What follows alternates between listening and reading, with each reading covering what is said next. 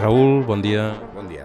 Avui parlem amb el Raül del Quartet de Trombons de Barcelona, que potser hi ha qui remeni xarxes socials us ha vist perquè heu estrenat una nova pàgina web, però la formació ve de lluny. Sí, la formació ve del 1991, que farem el, el primer concert oficial, per dir-ho manera, del Quartet de Trombons en el Saló de Cent de l'Ajuntament de Barcelona, perquè abans n'hi havia un, un cicle de concerts de música de cambra, que els músics de l'OBC fèiem habitualment, que era els dijous per la tarda. I des d'aleshores, perquè els membres heu anat canviant, em deies que tu ets l'únic que queda d'aquella formació inicial, oi? Sí, en principi sí, sóc el, per dir-ho d'una manera, el més, el més vell d'aquesta formació però s'han canviat per raons personals habituals en qualsevol formació, perquè n'hi ha gent que ha marxat a una altra orquestra, com el cas de Ricardo Casero, que marxa a València, o Miguel Rivera, que era l'antic solista de l'OEC, que marxa a Puerto Rico, coses d'aquest tipus. Entonces sempre hem anat buscant a la gent més adient per, per continuar en la, en la formació del quartet. I ara la formació actual combina trombonistes de l'OBC, de la Sinfònica de Barcelona i Nacional de Catalunya, i trombonistes de l'Orquestra del Liceu. Us dueu bé? Sí, sí, no, no hi ha cap problema. A més, tenim una molt bona relació des de, de, des de fa molts anys.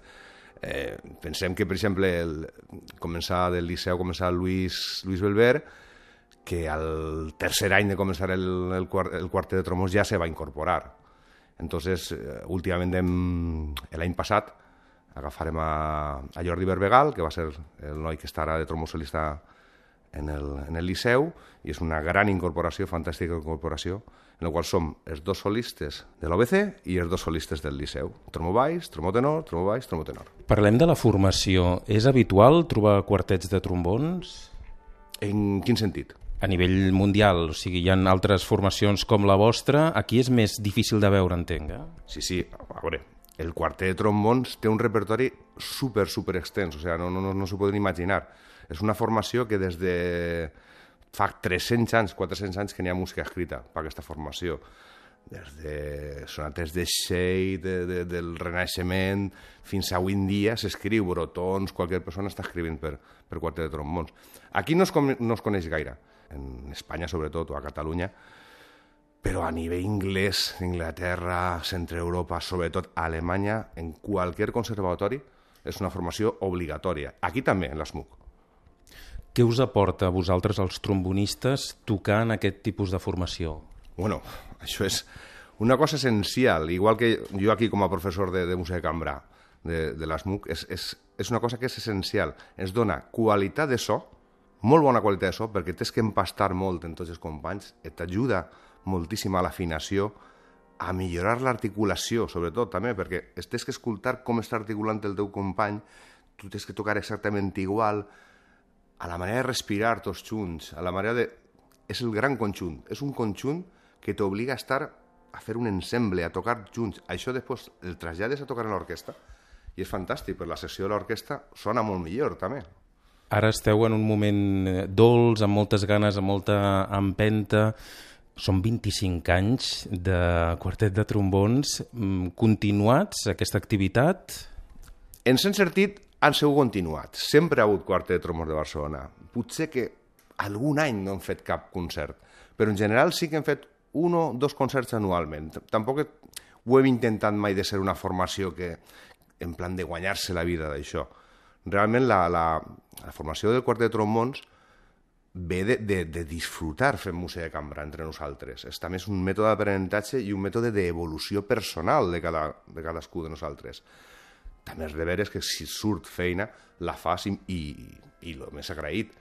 El que no intentem mai és fer concerts d'aquest tipus, per dir un bolo cutre o un bolo de qualsevol manera, sinó sempre intentem, per exemple, hem fet concerts al Palau de la Música, concerts al Saló Docent, concerts a l'Auditori de Barcelona, jo què sé, iglesias importants, coses així, coses de qualitat intentem fer. Podeu actuar en solitari o podeu acompanyar altres formacions o cors. No és estrany eh, veure un quartet de trombons acompanyant un cor en un concert determinat. Ara parlaves d'esglésies, no? Exactament. Ara mateixa tenim un projecte engegat, i és un projecte fantàsc, ja portem com sis mesos en aquest projecte i esperem que duri perquè és, i portar-lo a molts llocs. Estem intentant portar-lo a l'Auditori de Barcelona, al cicle de música cambra, a veure què tal si surt. És en el coral de cambra Bruckner, i nosaltres. I tot, tot el que toquem és Bruckner. O sigui, música fantàstica, original per trombons, original per cor. O sigui, és un ensamblatge perfecte. O sigui, eh, si visiteu la pàgina web veureu que n'hi ha, ha música en, en directe gravada d'aquests concerts que farem al Palau i l'ensemble és, és increïble. Bruckner és qui millor escriu per la vostra formació o trobaríem altres autors? Bruckner, el tema podríem dir que és el que més adapta el trombó a la forma de veu. Parlar com a trombó com a veu. És el que millor imita este, este, este tipus de, de d'escriptura. Però, per exemple, Beethoven en els seus Drei Equali originals de, de, de Beethoven, escrits per la seva mort. O sigui, ell deixa escrit que volia que els trombons toquessin aquests Equali en, en el seu enterrament i es sona fantàstic. Jo, jo, jo ho he fet això en, en Suïssa, en, en un enterrament d'un company d'una orquestra, i, i et juro que, que, que ploràvem tots. O sigui, N'hi ha molts compositors que escriuen molt bé, i cada dia, compositors d'avui en dia, cada vegada escriuen millor.